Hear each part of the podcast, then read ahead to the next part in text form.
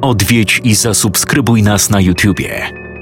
Bądź na bieżąco z nowymi filmami i słuchaj jeszcze więcej mrocznych historii. Mystery TV Więcej niż strach.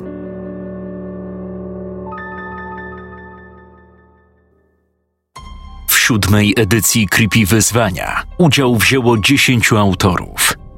Na naszej grupie widzowie zaproponowali motywy przewodnie na opowiadanie. Każdy autor wybrał jeden, na podstawie którego napisał własną historię. Zapraszam do wysłuchania opowiadania pod tytułem Trzy próby autorstwa Macieja Papieża na podstawie pomysłu Magdaleny Wrubel.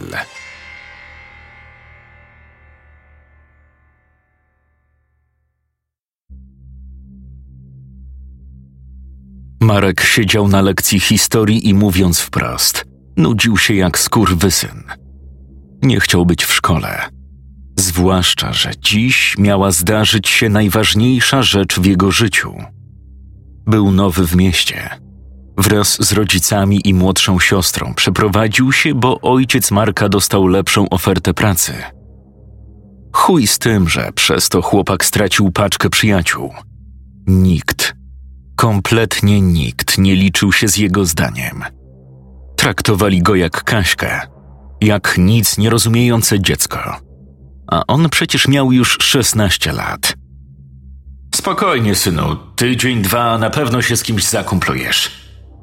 Dostawał w odpowiedzi, gdy tylko próbował przemówić ojcu do rozsądku. Tak, zakumpluje się. Od dwóch miesięcy Marek czuł się jak pierdolony kosmita, wrzucony w środku roku szkolnego do klasy, która zdążyła się już poznać i dotrzeć – Chłopak wielokrotnie próbował wpasować się w grupę, jednak za każdym razem odbijał się od niewidzialnej ściany dzielącej go od rówieśników. Kompletnie nie rozumiał, czego brakuje mu, by stać się częścią grupy. Zawsze uprzejmy, pomocny. Gdy tylko trzeba było, dawał spisywać lekcje, pomagał na kartkówkach i sprawdzianach – Mimo to nigdy nie został zaproszony na imprezę czy chociażby wyjście do parku, a osoby, które tak chętnie od niego ściągały, zdawały się go nie znać, kiedy organizowały całonocne chlanie, bo akurat czyichś starych danego dnia nie było w domu. Dlatego też nie mógł otrząsnąć się ze zdziwienia, gdy nie dalej jak tydzień temu, dzierżąca nieformalny tytuł Miss Szkoły, trzecioklasistka Monika Lisiecka podeszła do niego na przerwie i zapytała, co robi po lekcjach. Marek przez moment nie umiał wydusić z siebie słowa, nerwowo rozglądając się dookoła i sprawdzając, czy aby dziewczyna na pewno zwraca się do niego. Musiała. Przecież każdą przerwę spędzał w samotności. Zgodnie z prawdą odpowiedział, że nie ma żadnych planów – na co ona wesoło rzuciła, że mógłby poszlajać się z jej bratem bliźniakiem i ich znajomymi po opuszczonej stacji kolejowej. Bez wahania zgodził się na to. Cały czas miał jednak z tyłu głowy, że nastolatkowie wystawią go albo zrobią jakiś durny dowcip. Jednak perspektywa pokazania się w towarzystwie Lisieckich, swoistych celebrytów tej szkoły, była silniejsza Dlatego o umówionej godzinie przyszedł na miejsce. Odetchnął z ulgą, gdy pięć minut później zobaczył bliźniaków w towarzystwie dwóch innych dziewczyn i jednego chłopaka. Jedną z towarzyszących im lasek kojarzył ze szkoły. Klaudia Czyżek, zabójcza piękność z wielkimi oczami. Najlepsza przyjaciółka Moniki. Reszty nie znał jednak. Szybko okazało się, że cała piątka jest bardzo życzliwa. Szwendali się, wypili po browarze, zapalili trawkę i spędzili bardzo miło czas. Marek pierwszy raz od przeprowadzki poczuł się lubiany i akceptowany.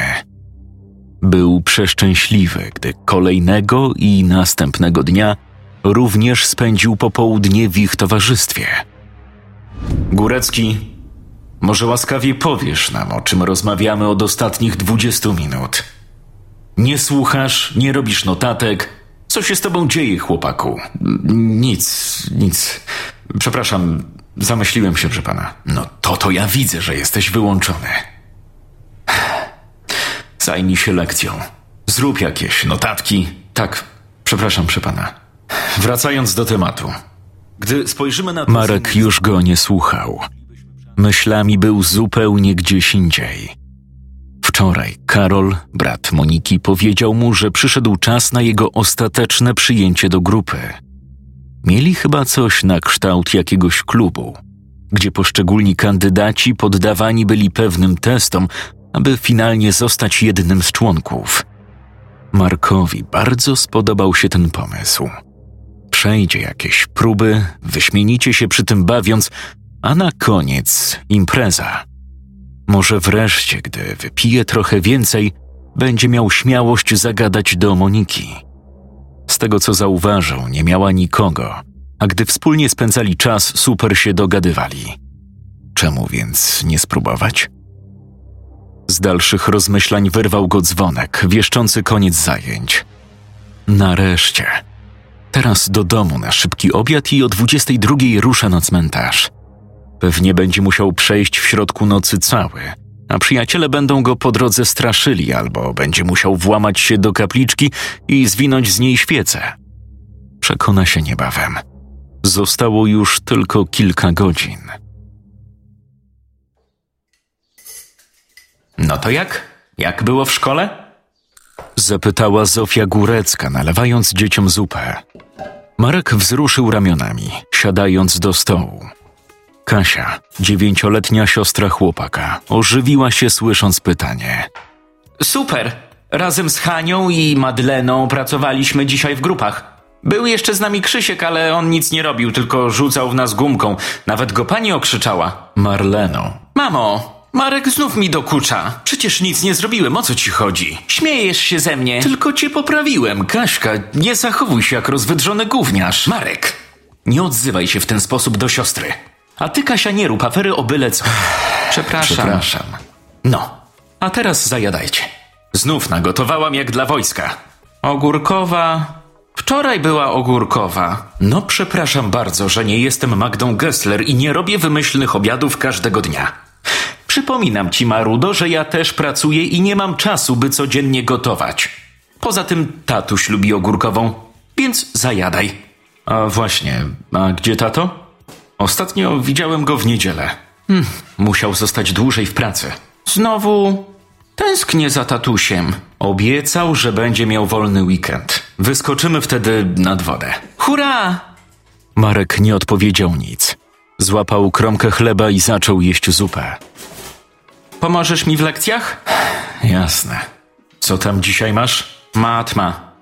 Pani zadała nam aż dwie kartki działań. O, to brzmi srogo. Jak wyzwanie. A z Polaka coś masz? Tylko wierszyk na pamięć, ale to, to ja już sama. Spoko. Ale pamiętaj, że później sprawdzę. Ja już prawie umiem. Muszę jeszcze dopracować. Będziesz miała całe popołudnie. Ej, obiecałeś, że pogramy później na konsoli. Pogramy, pogramy, ale musisz zrobić wcześniej lekcję. A ty to nie masz nic zadane? Wtrąciła Zofia. Mam, ale wiesz, że mi najlepiej do głowy wchodzi w nocy. Ojej, znowu będziesz siedział do późna i rano będziesz nieprzytomny. Przestań. No, ale chociaż znalazłeś sobie znajomych. Wychodzisz gdzieś z domu? Już się z ojcem martwiliśmy. Nie przy Kasi. Dziewczynka zdawała się nie słuchać. Pomimo wcześniejszego marudzenia jadła ze smakiem zupę, popijając co chwila sokiem pomarańczowym. Dobra, młoda. Jak skończysz, bierz zeszyty i przyjdź do mnie. Pouczymy się z godzinkę, co by mama zła nie była i pogramy na konsoli. W Simsy? Mogą być i Simsy. Jej! Chłopak bardzo kochał swoją siostrę. Rezolutna, żywa dziewczynka z piegowatym nosem. Choć wielu szesnastolatków na pewno bardzo by się tego wstydziło, on uwielbiał spędzać z nią czas i wcale się z tym nie krył. Jeszcze w poprzedniej szkole, gdzie miał swoją paczkę znajomych, wielokrotnie opowiadał o tym, jak bawił się z siostrą, czy jak spędzali wspólnie czas na czytaniu książeczek dla dzieci lub graniu na konsoli. Całe to granie polegało na tym, że Marek włączał grę, a Kasia siadała obok i patrzyła, jak chłopak steruje cyfrowym awatarem. Chłopak starał się tak dobierać tytuły, by miały w sobie jak najmniej przemocy. Jednak Kasia często domagała się tego pana z latającym toporkiem czy Heralda z dwoma mieczami. Marek nie potrafił odmówić siostrze, zwłaszcza gdy robiła wielkie maślane oczy.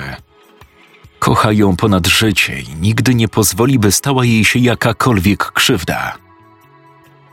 Czas mijał bardzo szybko. Nauka i zabawa z siostrą zaabsorbowały go tak, że nawet nie spostrzegł, jak na zegarze wybiła dwudziesta i dziewczynka poszła się myć i spać. Marek natomiast włączył muzykę i złapał za książkę. By dojść na cmentarz na czas, musiał wyjść najpóźniej o 21.20. Miał zatem jeszcze mnóstwo czasu, choć najchętniej poszedłby tam już teraz. Gdy alarm w telefonie oznajmił, że wybiła dziewiąta, chłopak poderwał się z łóżka, narzucił na siebie wiszącą na drzwiach ciemną bluzę z kapturem i wyszedł z domu. Po drodze nikt go nie zatrzymał. Kasia już spała. Matka oglądała telewizję w sypialni, a ojciec jeszcze nie wrócił z pracy. Odkąd się przeprowadzili, nie widywał go niemal wcale. Wcześniej tak nie było. Jadali wspólne obiady, czasami kopali piłkę w ogrodzie. Zawsze mógł z nim pogadać, podzielić się opinią, światopoglądem. Wszystko zmieniło się na chwilę przed przeprowadzką. Ojciec stał się bardzo protekcjonalny, nerwowy. Już nie rozmawiał z Markiem jak niemal równy z równym. Narzucał mu swoje zdanie, nie traktował poważnie. Chłopak zdawał sobie sprawę, że najpewniej chodzi o stres. O to, że ojcu nie układa się w teraz już starej pracy – ale czy to dawało mu pozwolenie, by odbijać swoją frustrację na rodzinie? Na osobach, których powinien za wszelką cenę bronić i bezwarunkowo kochać? Najbardziej szkoda mu było Kasi, która bardzo odczuła brak taty. Wiele razy mówiła mu, że nie chce, by tatuś taki był, że tęskni za dawnym tatą. Marek nie wiedział, co miał jej odpowiedzieć – po prostu tulił ją wtedy i pozwalał płakać. Podchodząc do bramy głównej cmentarza, zobaczył czarnego, nieoznakowanego wana. Przestraszył się i już miał wycofać, gdy zobaczył machającego w jego stronę Grześka. Chłopak był najstarszy z tego grona. Miał 21 lat i Marek odnosił wrażenie, że jedynym i najważniejszym życiowym celem Grześka jest zaspokajanie wszystkich potrzeb Klaudii. Marek widywał już różne pary, ale ta konkretna była bardzo specyficzna. Panna Czyżek owinęła sobie chłopaka wokół palca i doiła z niego ile wlezie. A ten, nie dość, że spełniał wszystkie jej zachcianki, to jeszcze zdawał się nie widzieć, jak Klaudia i Karol, delikatnie mówiąc, mają się ku sobie. Marek im dłużej o tym myślał, tym bardziej dochodził do wniosku, że tam każdy z każdym jakąś przygodę miał. Po co zatem pchać się w takie towarzystwo? Ano po to, że byli to jedyni ludzie, którzy okazywali mu jakiekolwiek zainteresowanie. Siemasz, młody? Przywitała się z nim stojąca obok Grześka Justyna. Była ona szczupłą, czarnowłosą dziewczyną o delikatnych rysach twarzy – Gdyby nie to, że pokazała Markowi dowód osobisty, ten nigdy nie uwierzyłby, że ma dziewiętnaście lat. Cześć. A gdzie reszta? I skąd macie tego pedowana? Reszta szykuje niespodzianki. Karol powiedział ci, na czym będą polegały próby? Nic mi nie mówił, ale ja w sumie też nie pytałem. Powiedział mi tylko, że dziś oficjalnie przyjmiecie mnie do ekipy. Coś jak chrzest na kolonii. Justyna zaniosła się śmiechem. Grzesiek także się uśmiechnął i powiedział: A, dziś twoje życie się odmieni, młode. Jeśli się sprawdzisz, dostąpisz niebywałego zaszczytu. Jeśli nie. Marek zamyślił się. To wszystko było dla niego zbyt sztuczne, teatralne. W tym momencie chciał odwrócić się napięcie i pójść do domu Z drugiej jednak strony Lisieckim i ich ekipie się nie odmawia. Kompletnie nie miałby życia w szkole i poza nią. Musi wczuć się w rolę. A jeśli nie, to zginiesz. Rzuciła beznamiętnie Justyna. Marek zaśmiał się nerwowo. Drugi z mężczyzn podchwycił to i też zaczął się śmiać. Ach, ty to mnie chyba nie lubisz, co? Nim skończy się ta noc, będziesz mój kochasiu. Szepnęła w odpowiedzi Justyna. Szesnastolatek skłamałby, gdyby powiedział, że się nie podniecił. Co prawda z całej trójki najbardziej podobała mu się Monika, ale gdyby z nią mu się nie udało, Justyna też jest fajną opcją. O, jak jesteście aż tak nabuzowani, to wskakujcie na wana. Dam wam z dziesięć minut. Ale ja tylko przypominam tobie, Justyna, a ciebie, Marku, informuję, że nasz pan nie lubi czekać. Mhm. A kim jest ten pan? Już kiedyś o nim wspominaliście, a każde moje pytanie było ignorowane. Dziś uzyskasz wszystkie odpowiedzi. Jeśli przejdziesz pomyślnie próby, poznasz go. No to zaczynajmy te próby. Wprost umieram z ciekawości. Grzesiek, słysząc to, wspiął się na ogrodzenie i przeskoczył je. Justyna bez trudu zrobiła to samo i oboje wyczekująco spojrzeli na Marka. Ten wzruszył ramionami i pokonał przeszkodę, miękko lądując po drugiej stronie metalowej siatki. Za mną, powiedział Grzesiek i ruszył dość szybkim krokiem. Szli w milczeniu i kompletnych ciemnościach przez dobrych kilka minut.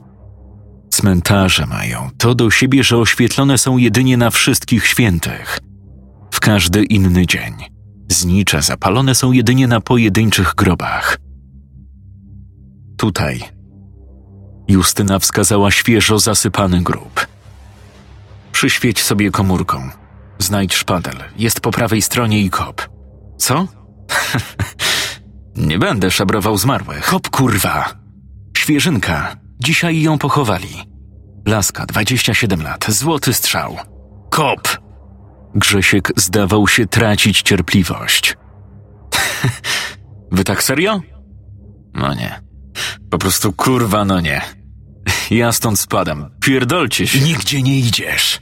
Chłopak złapał Marka za bluzę i potrząsnął nim. Justyna, dzwoń, załóż się. Warknął i odepchnął Grześka od siebie. W odpowiedzi ten uderzył Marka pięścią w twarz. Chłopak zatoczył się i przewrócił. Nie stracił jednak przytomności.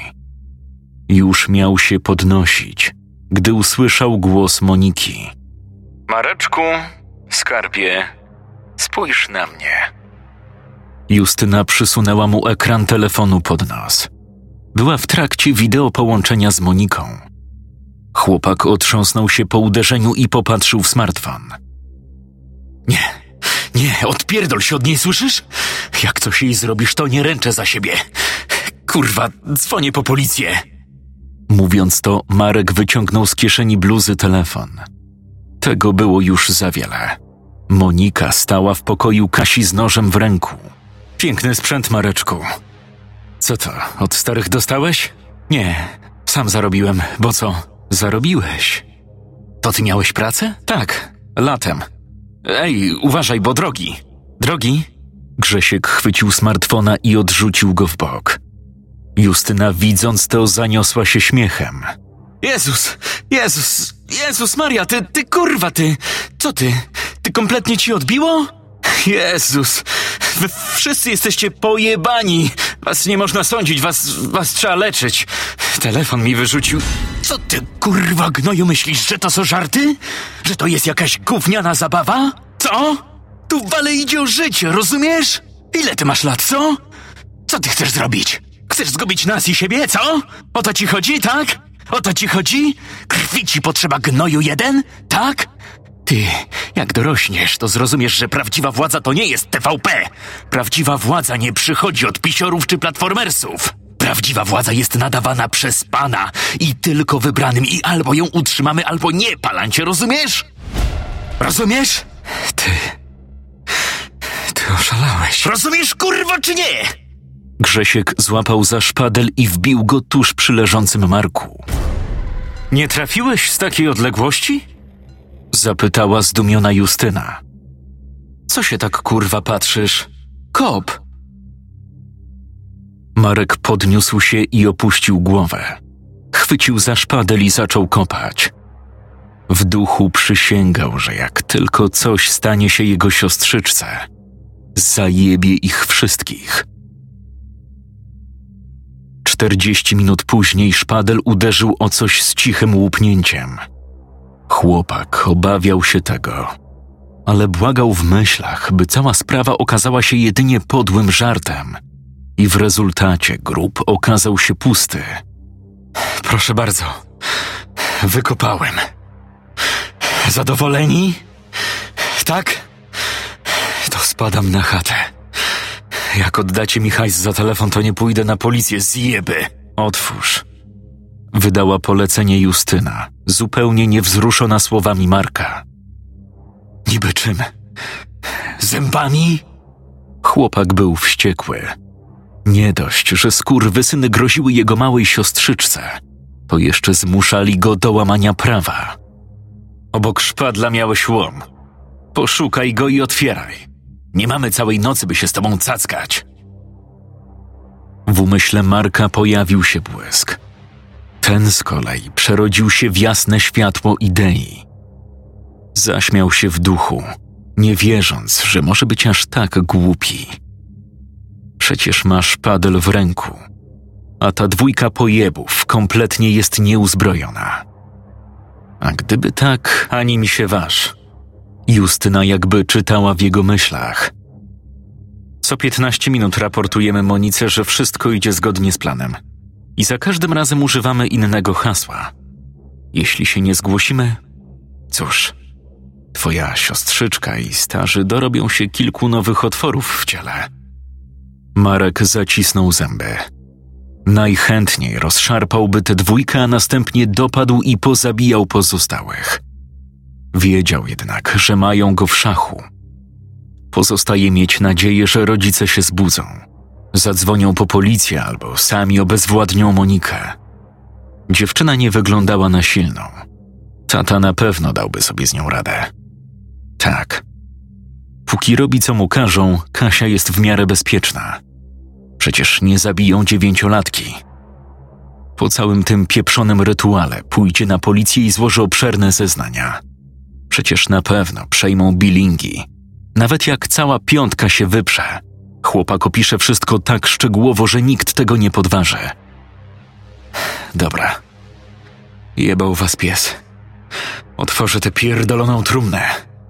Ale jak zrobicie coś Kaśce... To skończ już pierdolić i otwieraj.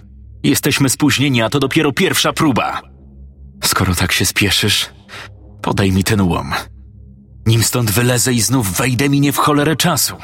A jaśnie państwu się ewidentnie gdzieś spieszy, tak? Stojący obok Justyny mężczyzna westchnął i podszedł do rozkopanego grobu. Pogrzebał chwilę obok niego, chwycił za długi metalowy przedmiot i podał go Markowi. Tak cię później stąd wyciągniemy. Myślałem, że zakopiecie mnie razem z nią. Nie jesteśmy potworami. No tak, raczej hipokrytami. Otwieraj! Chłopak westchnął i zaczął szukać miejsca, w którym mógłby podważyć drewniane wieko. Nawet w świetle dnia nie byłoby to proste zadanie. A teraz, w nocy, wydawało się wręcz niemożliwe. Ja pierdolę grzechu, pomóż mu, bo będziemy tu tkwili do rana. Panie Dojda nie potrafi nawet trumny otworzyć. Ty tam wejdź. Potem nie wciągniesz nas obu. Dziewczyna dziarskim krokiem podeszła do grobu, po czym wskoczyła do środka. Zabrała trzymany przez Marka łom. Podważyła i uwolniła wieko trumny już w drugim podejściu. Jak? Tak szybko? Nie pierwsza i nie ostatnia. Grzesiek, wyciągnij mnie.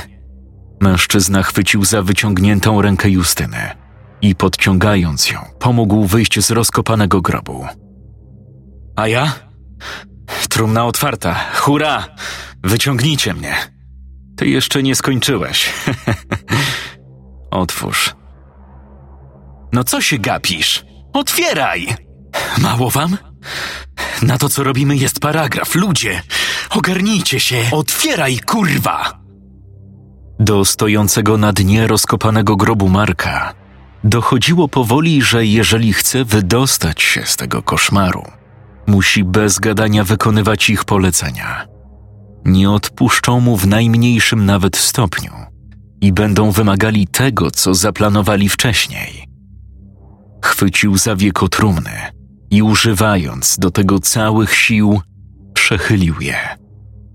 Jego nozdrza złapały słodkawy, zatęchły zapach, który przyprawił go o odruch wymiotny. Brawo! Panienka spotkała pierwszego trupa. Wystarczy wam? A gdzie tam? Teraz ściągaj portki i do roboty. Nie.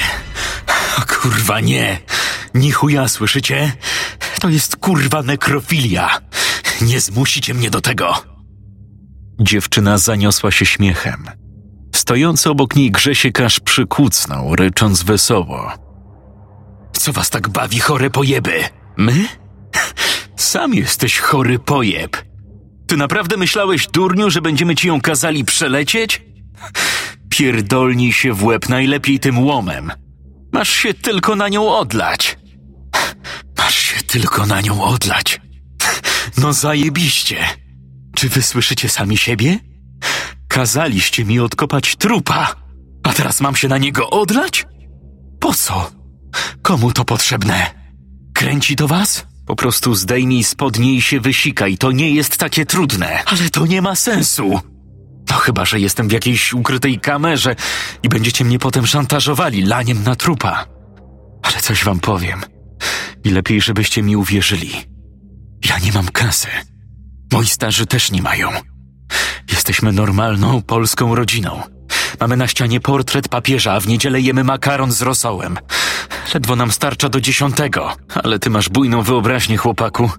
Zrozumcie wreszcie, że nie chcę już być jednym z was.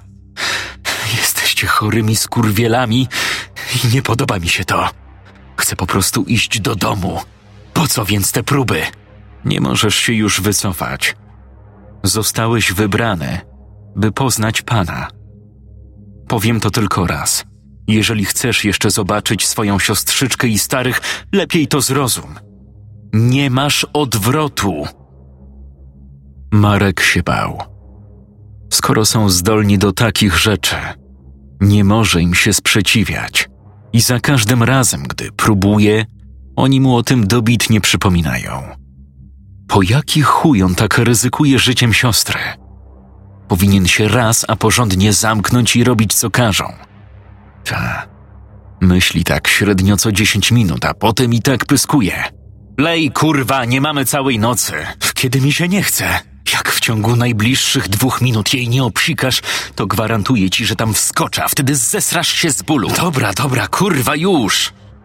Chłopak rozpiął rozporek i naparł z całych sił na swój pęcherz, myśląc o wodospadach i kapiącej z kranu wodzie. Po chwili udało mu się wypuścić kilka kropel do wnętrza trumny. Zadowoleni, psychole? Może być. A teraz wyłaś. Marek wyciągnął rękę, co Grzesiek skwitował krótkim prychnięciem. A rączki umyłeś? Chwyć łom, tak cię wyciągnę. Jak powiedział, tak zrobił. Chwilę później chłopak był już na powierzchni. Dobra, zbieramy się. Chwila. Jakie zbieramy się? Musimy ją zakopać. Przecież tam jest kurwa moje DNA. Myślicie, że policja nie zainteresuje się rozkopanym grobem? Jesteście aż tak głupi? Spokojnie. Pan się wszystkim zajmie. Rano nie będzie śladu po grobie czy twoich szczynach. Zbieraj się. Wystarczająco już jesteśmy spóźnieni. Marek miał mętlik w głowie. Kto mógł być aż tak potężny, że w kilka godzin zatrze ślady po bezczeszczeniu zwłok? I skąd banda dzieciaków ma u takiego kogoś tak zwane plecy? Nie widział sensu, by zadać te pytania na głos. Wiedział z góry, że albo mu nie odpowiedzą, albo usłyszy coś w stylu: Już niedługo go poznasz. Dobra, młody. Druga próba. Co? Tutaj? Na środku drogi, przy wanie? Nie przy wanie, a w wanie. Nie rozumiem. Nie dziwi mnie to ani trochę. Co mam zrobić? W ręku masz łom, nie? No mam. W środku jest worek. Może się trochę ruszać. Wchodzisz tam i sprawiasz, że przestaje się ruszać. Kurwa, nie zabije człowieka. Nikt ci nie każe baranie jeden. To byłoby przestępstwo. A rozkopywanie grobów w środku nocy na cmentarzu i szczanie do środka to nie jest przestępstwo? Najbardziej z tego całego pytania zastanawia mnie, gdzie indziej chciałbyś rozkopywać groby. Co? Nieważne. Wchodzisz tam i obtłukujesz na miazgę te trzy słodziuchne, puszyste szczeniaczki. Ja pierdolę.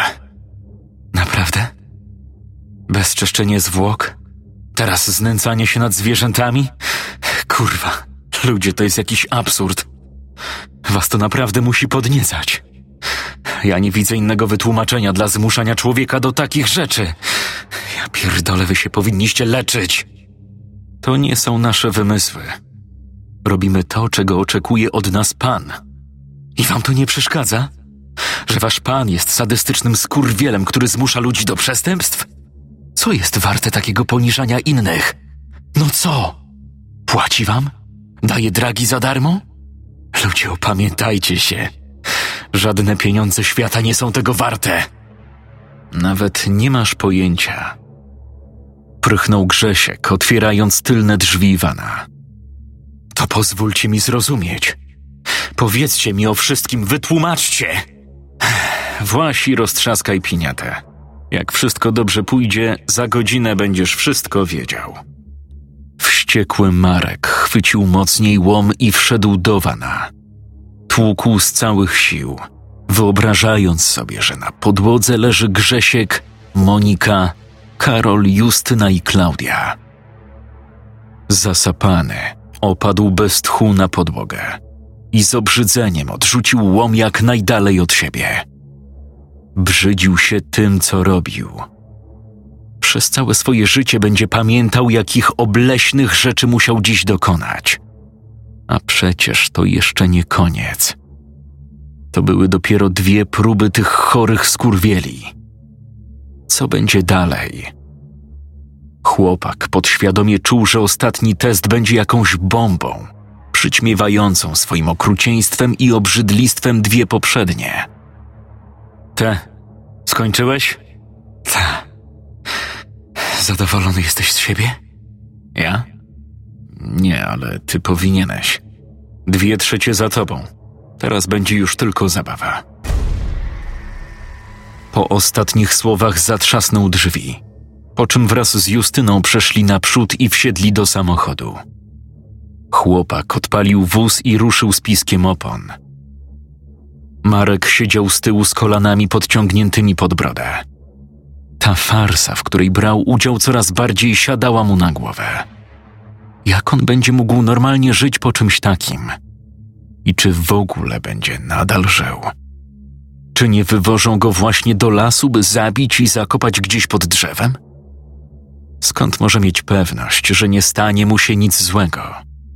Jak może im po tym wszystkim zaufać? Co za sierota. Mówiłem Karolowi, żebyśmy wzięli tego czarnotę z drugiej B. Jesteśmy spóźnieni dobre pół godziny, a pan nie lubi czekać. Mamy przejebane. Daj spokój. Jest uroczy. Zarówno mnie, jak i pana chuj będzie obchodziło, że na niego lecisz. Miał być taki potulny, taki skory do wyzwań, a co się okazało? Buntownik, nie hetman. Postaw się na jego miejscu. Byłem na jego miejscu i zrobiłem wszystko, czego żądał pan ustami Karola. Aj, wiesz, że to nie to samo. To dokładnie to samo.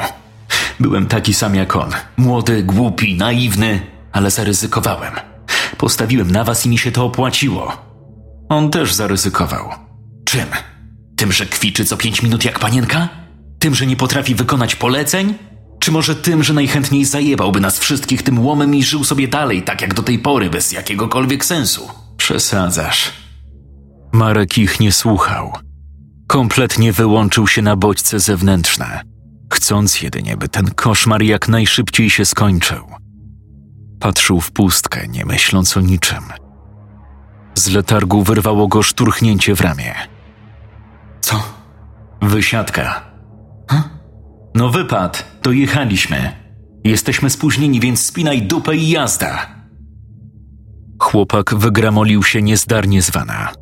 Był zmęczony, zarówno fizycznie, jak i psychicznie. Nigdy w życiu nie dostał takiego wycisku, ani cielesnego, ani duchowego.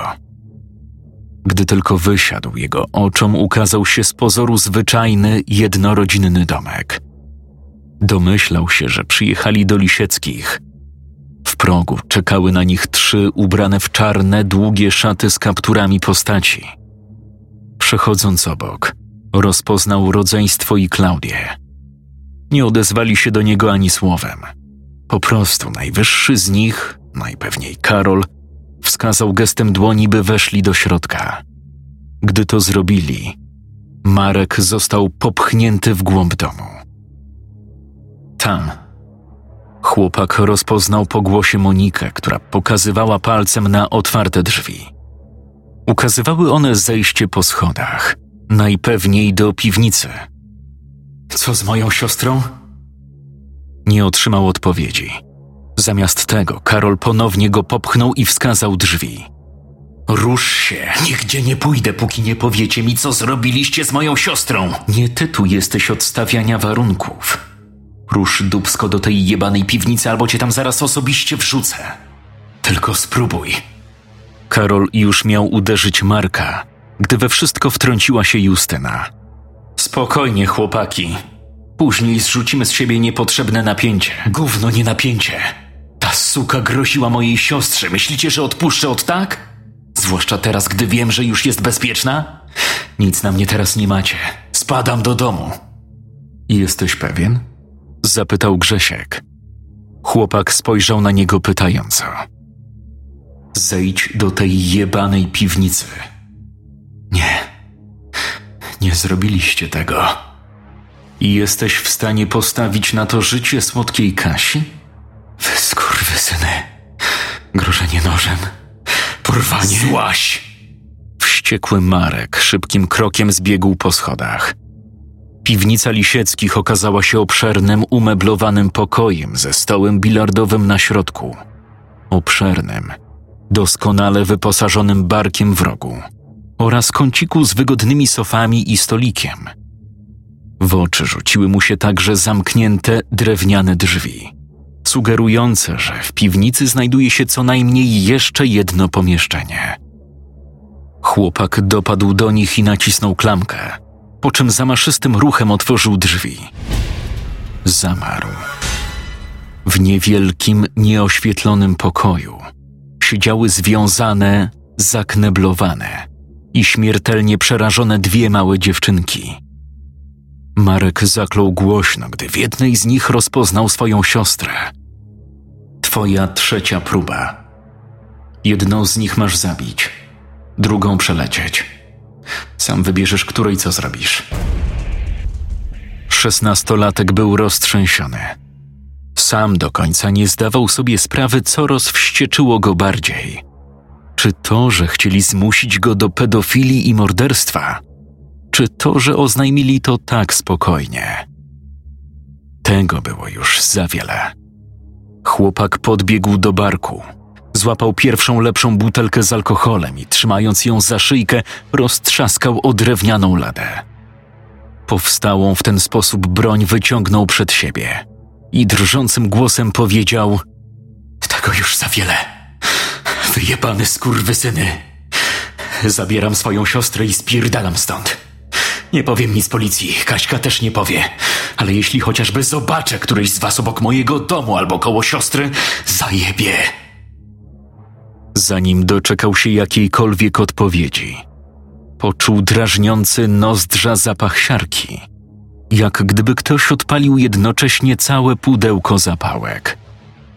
Następny był głos – kobiecy, przyjemny dla ucha, ale jednocześnie bardzo niepokojący w swoim brzmieniu. Oj, lisieccy, lisieccy, tyle lat wzajemnej współpracy, a wy właśnie dziś nawalacie. Wstydźcie się. Ta kobieta, piękna, Na oko dwudziestokilkuletnia z prostymi, długimi do pasa rudymi włosami. Ubrana w czerwoną, kraciastą koszulę i kuse szorty odsłaniające idealne nogi. Siedziała na stole bilardowym w dwuznacznej pozie, uwydatniając swoje walory. Tylko skąd ona się tu wzięła? Przecież gdy wchodzili, nikogo tu nie było. Nie mogła też przyjść po nich. Wtedy byłaby w drzwiach. Na pewno by ją zauważył. Każdy facet zauważyłby taką piękność. Pani Rita, Cała piątka, jak na komendę, skłoniła się nisko. to, to nie jest nasza wina. To ten gówniarz, on stwarzał problemy. Waszym zadaniem było znaleźć takiego, który problemów nie stwarza. To nie jest wasz pierwszy raz, lisieccy. A ty. Odwróciła się w stronę zszokowanego Marka. Czemu stwarzasz problemy? Rita, tak? To ty jesteś tym ich całym panem, tak? Słuchaj więc, paniusiu. Dzisiejszej nocy sikałem na zwłoki i znęcałem się nad zwierzętami. Mojej siostrze, która swoją drogą została przez was porwana, grożono nożem. A teraz mam do wyboru albo ją zgwałcić, albo zabić. Gówno mnie obchodzi, kim jesteś i co możesz. Zabieram ją do domu, rozumiesz? Kobieta zaśmiała się głośno, a jej śmiech był po prostu cudowny. Bardzo szybko jednak spoważniała i powiedziała krótko: Okej. Trudno powiedzieć, kto po tym jednym krótkim słowie był bardziej skonsternowany. Marek czy pozostała piątka? Okej? Tak po prostu? Oni mnie poniżali, a ty pozwalasz mi wziąć siostrę i stąd iść? Tak. Ale najpierw będziesz musiał przejść jego. Rudowłosa wskazała wzrokiem za plecy chłopaka. Ten odwrócił się i zdębiał. Miał przed sobą wysokiego, dobrze zbudowanego mężczyznę o krótkich, czarnych włosach, ubranego w ciasny t-shirt i bojówki. Ręce skrzyżował na piersi i szyderczo się uśmiechał. Stał w drzwiach, idealnie wypełniając przestrzeń dookoła futryny. Równie dobrze sam mógł robić w tej scenerii za drzwi. Pan Mirak. Grupka znajomych ponownie się skłoniła. Kobieta nazwana Ritą zaśmiała się, a czarnowłosy skrzywił i splunął pod siebie. No chyba kurwa nie. Więc kto? Starzysta. Odpowiedziała szybko Rita, zanim mężczyzna otworzył usta. Kurwa mać! Marek zamachnął się tulipanem w postać blokującą mu drogę do siostry. Atakowany chwycił szesnastolatka za nadgarstek i bez problemu go zmiażdżył. Chrupnięcie kruszonych kości wypełniło całe pomieszczenie. Chłopak wypuścił szklaną broń i padł na kolana, próbując zdrową ręką wymierzać ciosy w tors mężczyzny. Ten zupełnie sobie nic z tego nie robiąc, zwolnił uścisk, jednocześnie chwytając klęczącego Marka za gardło i podniósł go tak, by ich twarze się spotkały. Następnie uśmiechnął się z wyższością i opuścił go na ziemię. Leż i czekaj. Marek próbował wstać, jednak niewidzialna siła przygwoździła go do podłogi. Słyszałeś, co powiedział? Leż. My. My przepraszamy. Sama pani widzi, jaki krnobrny z niego gnojek. O, nie mnie będziecie przepraszać. Pan tutaj idzie? Od kilku minut tutaj jestem. Powiedział głos z wnętrza pomieszczenia, w którym znajdowały się dziewczynki. Cała piątka padła na kolana, gdy blokujący drogę mężczyzna odsunął się, robiąc miejsce drugiemu. Posiadaczem monotonnego i odrobinę nosowatego głosu okazał się kilkudziesięcioletni mężczyzna z długimi do ramion czarnymi włosami, których cechą charakterystyczną były dwa śnieżno-białe kosmyki, układające się równolegle, zaczynając od skroni, przez całą długość włosów. Przybysz miał na sobie czarny, idealnie dopasowany matowy garnitur z koszulą w kolorze marynarki. Wąskie usta wykrzywione były ku górze, a nieco wystające policzki gładko ogolone. Na jego twarzy dało się zauważyć kilka zmarszczek, jednak podkreślały one tylko powagę i doświadczenie ich posiadacza. Mężczyzna przeszedł nad leżącym na ziemi Markiem, mlaszcząc z niesmakiem, po czym stanął na środku, omiotając wzrokiem całą piątkę. Czy któreś z was e, zechce mi przypomnieć, jak brzmi nasza umowa? Nie krzyczał, nie musiał. Posiadał tę rzadką umiejętność dawania reprymendy bez konieczności podnoszenia głosu. Brak ochotnika? Szkoda, więc może pan, panie Lisiecki, jak brzmi nasza umowa? Karol nawet nie śmiał podnieść opuszczonej głowy. Nie mógł też wykrzesać z siebie choćby jednego zdania. Bał się przybysza. Wszyscy się go bali.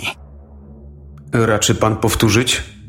Nie usłyszałem. Może, gdyby zaczął pan używać słów, łącząc je następnie w zdania, byłbym w stanie coś zrozumieć. Ciszę przerwała Monika, podnosząc się z kolan i spoglądając wprost na mężczyznę. Nasza. Nasza umowa polega na tym, że co roku, dokładnie tego dnia o północy, przekazujemy w pana ręce jednego niewinnego człowieka. Wcześniej zmuszając go do przejścia trzech obrzydliwych i haniebnych czynów, mających na celu spaczanie jego duszy.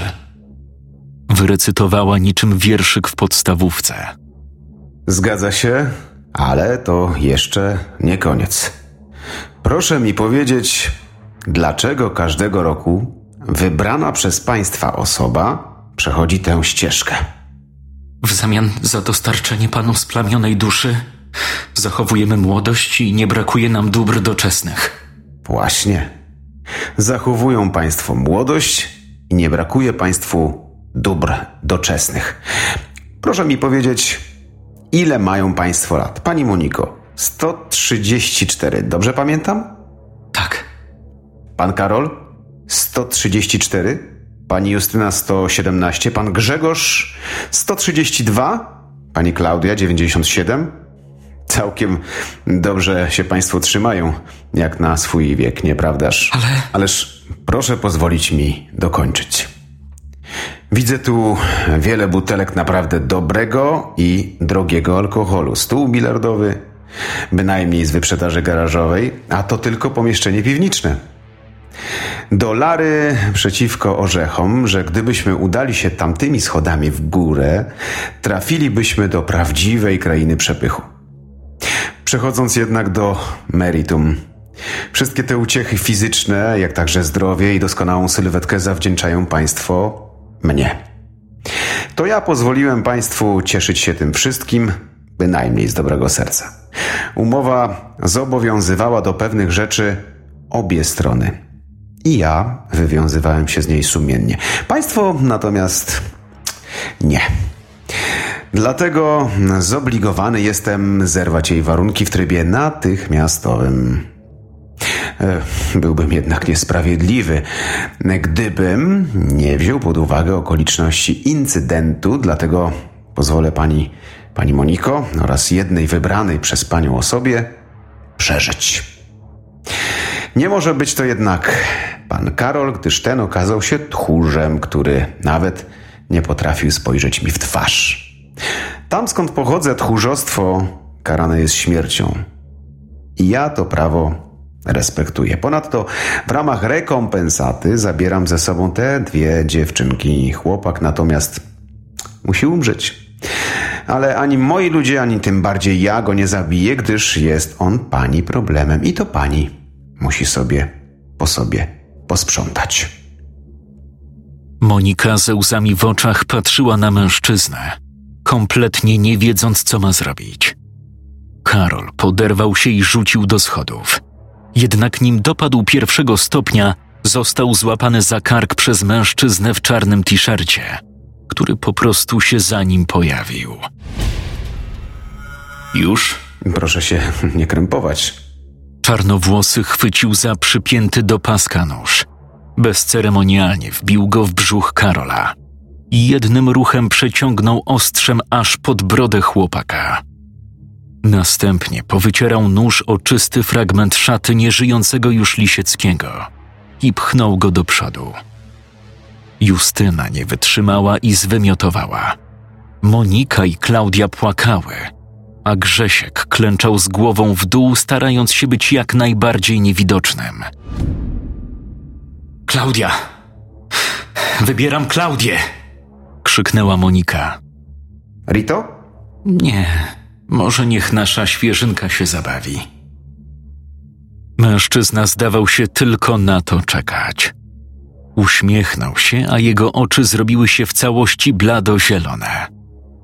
Podszedł do Justyny i jednym szybkim ruchem podciął jej gardło. Następnie chwycił głowę Grześka i rozbił ją o podłogę. Niespiesznym krokiem skierował się w stronę żyjących jeszcze dziewczyn. Gdy był już przy Monice, wsadził jej do ręki nóż.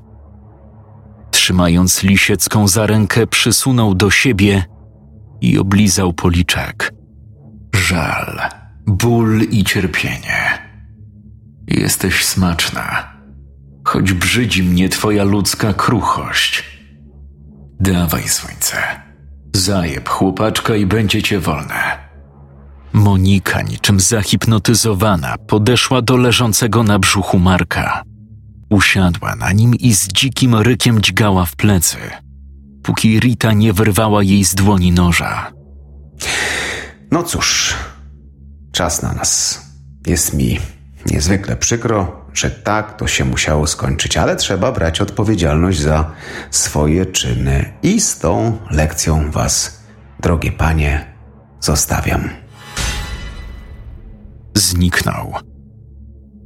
Dawaj, bierzemy te małe kurewki dla Miraka i też stąd spadamy.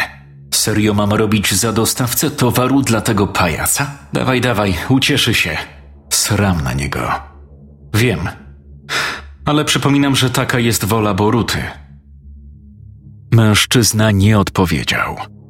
Westchnął tylko i oboje weszli do pomieszczenia z przetrzymywanymi dziewczynkami. Nigdy też z niego ponownie nie wyszli. Scenariusz Maciej Papież. Czytali Jakub Rutka i Wojciech Dudkowski.